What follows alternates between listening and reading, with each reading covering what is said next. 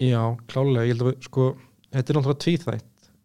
Neytandi vill líka sko uh, fá bara mjög mjúkt og gott kjöt eins og lund, fyll eða ribbæ eitthvað svoleiðis, en síðan er líka stór hópur sem inn, fá eins og flanksteik eða brisket eða eitthvað svona sem virkar þá í, í reiki eða hægaldun eða eitthvað svona líkt þekktir öður í Íslandi þeir eru að vera stærri og skemmtilega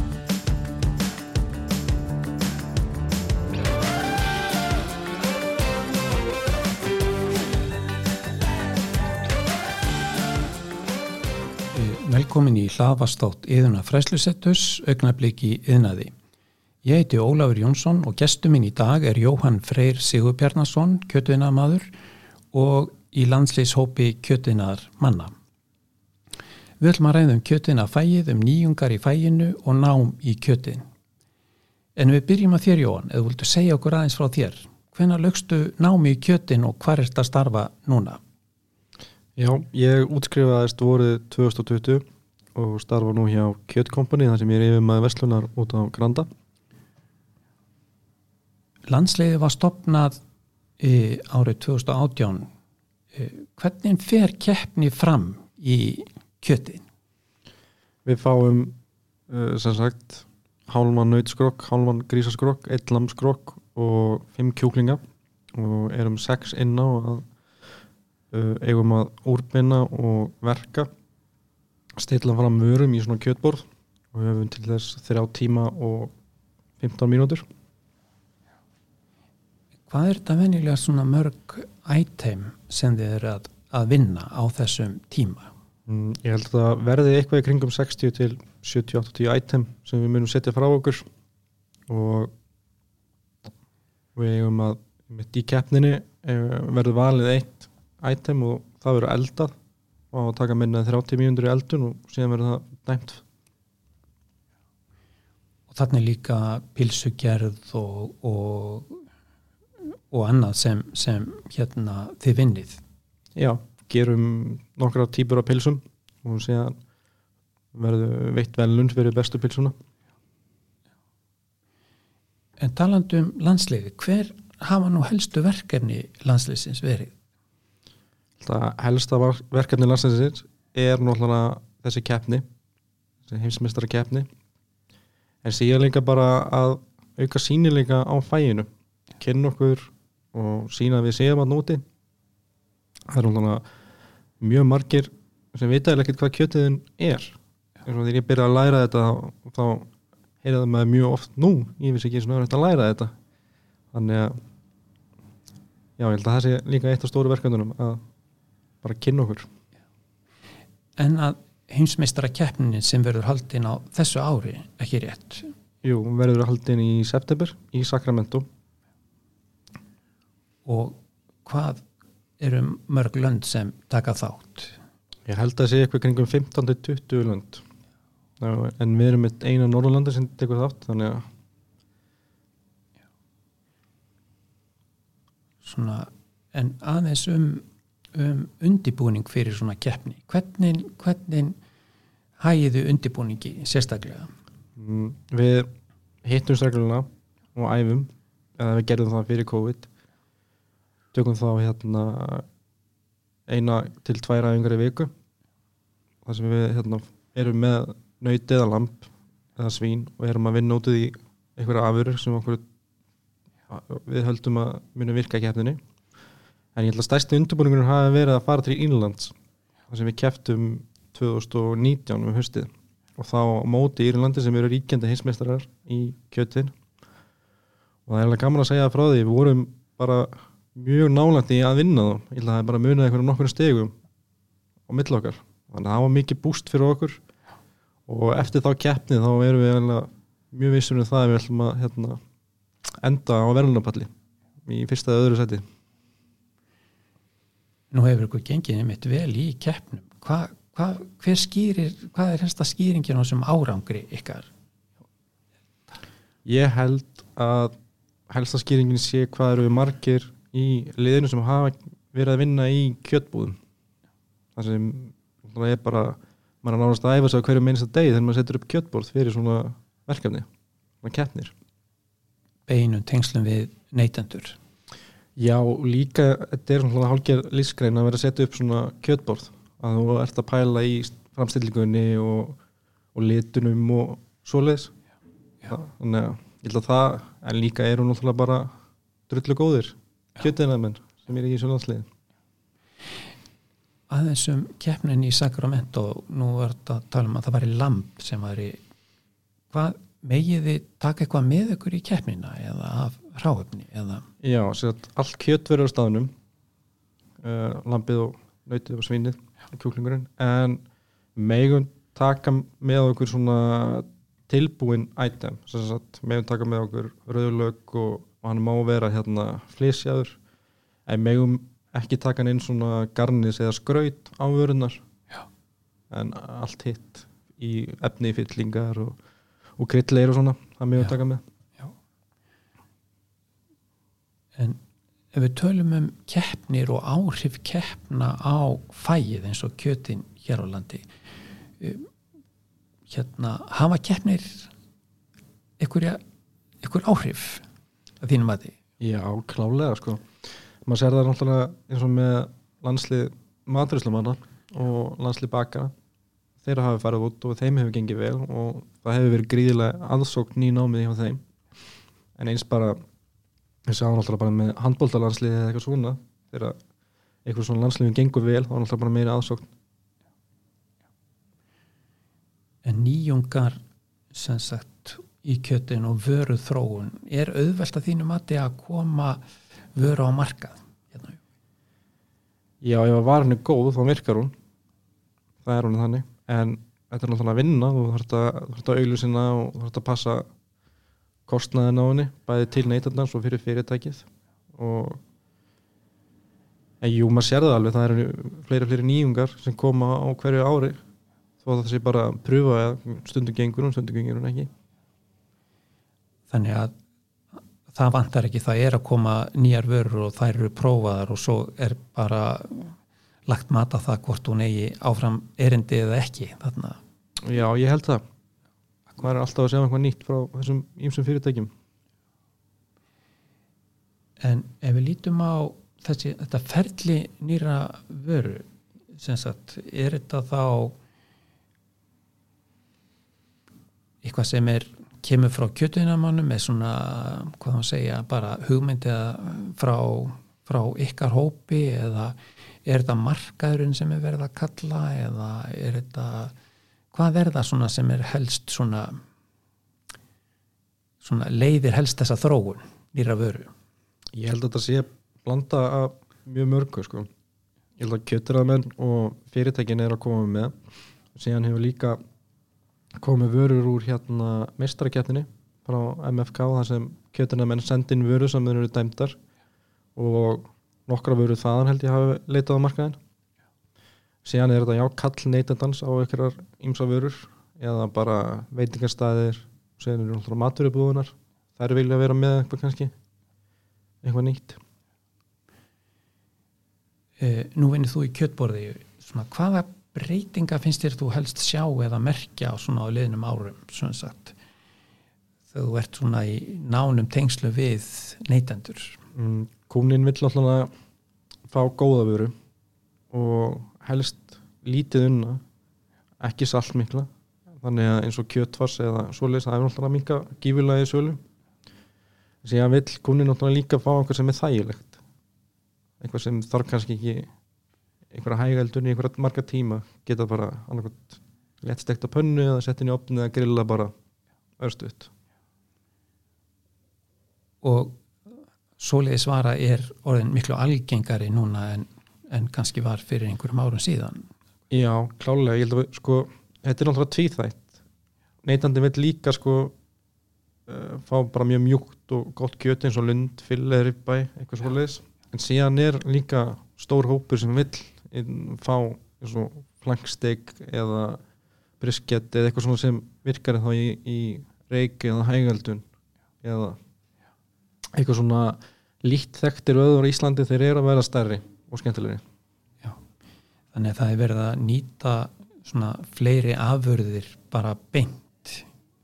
Já, alveg klálega. Ég held að það komur alltaf mjög mikið með tilkomu Instagram og YouTube þar sem það eru svona samfélagsmeila stjörnur eins og barbekjukongurinn og matarmenn og svoleiðis og Icelandic Butcher sem eru með að kynna þetta pínu fyrir markanum, fyrir neytendum. Og síðan náttúrulega eru endalusi þættir á YouTube eða Netinu sem eru að kynna þetta betur. Nú erum við akkurat í miðjum þorra og það má segja kannski að vöru eða vöru frambóði breyti svolítið eftir ástíðum hjá okkur sko almennt. En e, hvað, hvernig metur þau með þorramattin? Er alltaf áhugi á þorramat eða e, Já, ég held að næstu árum verður alltaf ykkur áhugi á þóramati en ég get ekki trú öðru heldur að hann fari minkandi með ungu, ungu kynnslóðinni við erum ekki að sækja þetta og svo heldri. En er ykkur ástími eða svona áherslu sem þér finnst áhugaverðari í þessu, þú vart að vinna í kjöttborðinu sko, það sem er? Nei, ég, ég er á því að það er hægt að grilla allan á sem syng sko. það er ekki bara grillveður í, í þrjá mánuði. Þannig en, en jú, neytandinn hann, hann sækist mikið í náttúrulega ástæðabundum vörunar hann vill freka grill á sömurinn og vera þá með opstekur á vetunar og síðan náttúrulega erum við jól og páskar þá fyrir fólk meira eins og í Wellington eða í hambúrgararhyggi eða eitthvað svolítið þannig að það er alveg gott minnstur á þess að maður getur spottað. Já Talandi um tækifæri greininni, Jói af hverju ætti ungt fólk á Íslandi að læra kjötin? Það er náttúrulega bara mjög gott fyrir ungt fólk að læra yðingrin yfir höfuð, hvaða yngrin sem það er.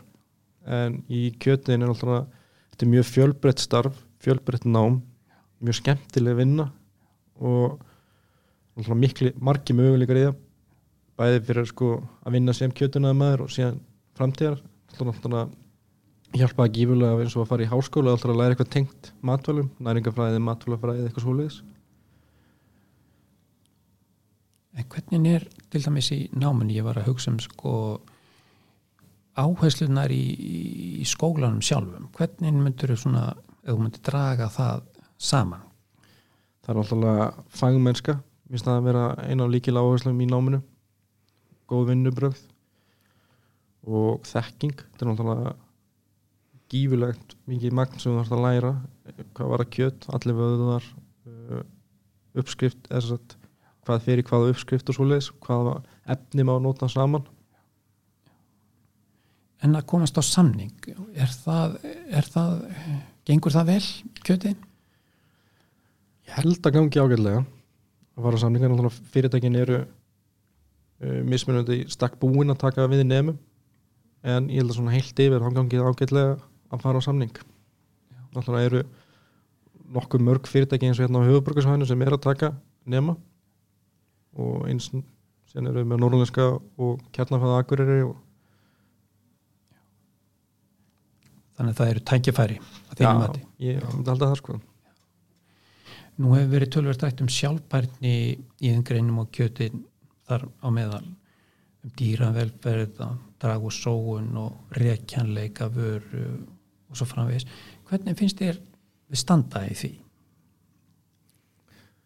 Ég held að náttúrulega allir sé að reyna að gera sitt besta. Og við stöndum okkur ákveðlega í þessu en mættum alveg gera betur eins og með reikinleika mætti vera skýrari reikinleiki á því. Þá helst sko upprunnamerking frá hvaða bóndabæi eða þó að væri já. En síðan sóun, ég held að við reynum að sóa sem minnst. Reynum að vinna allan á úrgang og við flytjum út eitthvað eins og flytjum út uh, afurur af grísakjötið sem við getum ekki notað hérna á Íslandi. Flytjum ekki út til Kína. Þannig að nýting er, er það sem sko er málið í raun og veri í þessu að nýta afurðir eins og best verður á kosið. Já, þessi er náttúrulega spurning við að nýta vöruna nógu vel eins og við erum að gera í dag sko, getum við gert betur?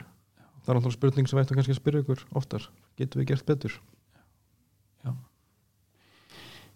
Ég var aðeins að hugsa um rekjanleika Já, hvaða máli skiptir það? Við höfum bara yfir það aðeins. Það skiptir náttúrulega gífurlega miklu máli bæði upprunni lands. Ef þú vill kaupa íslensk nautakjött þá átt að geta gert það auðvöldlega og tekið fyrir að rýna of mikið í pakkan en síðan skiptir náttúrulega fyrir mig máli að vita sko frá hvað bæða þær að því maður er kannski búin að spotta að nautakjötti frá þessum bæ er betur heldur en á þessum bæ. Og vill ég fyrir eitthvað frá þetta? Og einnig með lambið. Þannig að þetta eru tækifæri fyrir framleiðendur líka að, Já, að, þetta er náttúrulega að byrja á því eins og ég veit að hérna þá kamstóka, nei hérna blöndósi eru farin að að vera í, í samvinnu við bændur um að hafa bara mert sér frá þessum bæ í búum en ég held að við getum gert betur þannig þannig ef þetta eru góða aðverðir þá er líklega jafnvel að hæra verð fáist fyrir það og, og, og hérna salan gangi yfir höfu betur bara. Já, klálega og það er náttúrulega það sem við sjáum með hérna beint frá bíli og heimasláturinn þetta eru oftast mjög góð gæði á þessum vörum og bóndin sér þá meira hagnaði að gera þetta svona heldur en að senda til slátustöða En ef við horfum aðeins til svona framtíðar, Jói, hvað, hvað sérðu fyrir þér? Nú er landsliðið að undirbúa keppni í Sacramento og, og það er mikið í gangi hérna sagt í kjötiðninni hér á Íslandi. Hvernig sérðu svona framtíðina Ég greininni? ég held að framtíðin sé bara björt fyrir greinina með, með landsliðinu þá verðum við sínilegri og, og kynnum okkur síðan sko verður bara samspil neytendans og kjötunamanna bara skemmtulega og skemmtulega að við hérna kannski opnum við fleiri svona sælkýra búðir þar sem við erum við minni einingar. Þá eins og sérhæfum sérhæft í kannski rápilsugerði eða ráskengugerði eða eitthvað svoleiðis. Þannig ég held að það sé verður mjög skemmtilegt mjög skemmtileg framtíð framöndan En ef við hugsaum um svona smá framleiðendur og heimasláturinn sko hafandi huga náttúrulega að gæðin séu alveg í lagi hvaða, hvaða skoðun hefur á, á, á því? Ég er alltaf mjög hlindur því alveg 100% sko. Ég held að bara að einhver úrvalið einhver fjölbreytni og gerir bara svona skemmtilega við markað yfir höfuð. Þannig að og það er þess að neytandi vill að sé fjölbreytur og skemmtilega markaður í búði Nú stundum verið rætt um hérna svona þetta breytta, breyttar áherslur í nýslu varandi grænkjera, vegan. Hvernig sér þetta fyrir þér kjötiðnaðin og, og grænkjerar og vegan? Er eitthvað svona er eitthvað samleg þar finnst þér? Ég held að það sé möguleg samleið það er náttúrulega getur oft myndast ríkur að þetta er anstæður þannig. En ég held að kjötirðamenn búið inn, sett, hafi þekkinguna til að hjálpa grænkjörum í framlýslu og merkingu á öllum vörum eins og ég hef sjálfur hrært bulsur þannig að vegan pilsunar Já. þannig að ég held að við ættum bara að reyna að vinna meira saman og vera hérna góðu hvort annað Já, þannig að inni að slýsingjan næringarefnin, prótein og annað þetta sé í ykkur svona ykkur jafnvægi. Já, líka bara náttúrulega kannski merkingar á vörunni yfir höfuð bara eins og hvað er hvað er steik og hvað er hambúrgari og hvað er allt þetta sko við erum að reyna að halda í eitthvað grunn gildi þarna Já. Já, þetta sé að bara gagsætt og augljóst hvað, hvað, hvað var hann innihaldi. Mhm. Já. Þetta er áhugavert. Já, eins hérna þetta er mjög huga með vörunar á markaðin nýja vörur uh, samspil hérna maturislumann og kjötunumann er líka mjög mikilvægt þegar kemur að þessu.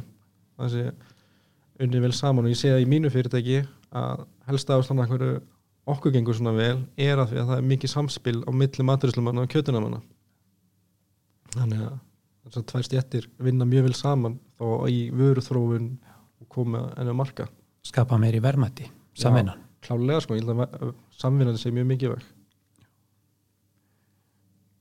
En þetta var áhugavert. Bara bestu þakki fyrir spjallið og gangi ykkur vel í Sacramento. Takk fyrir að fá mig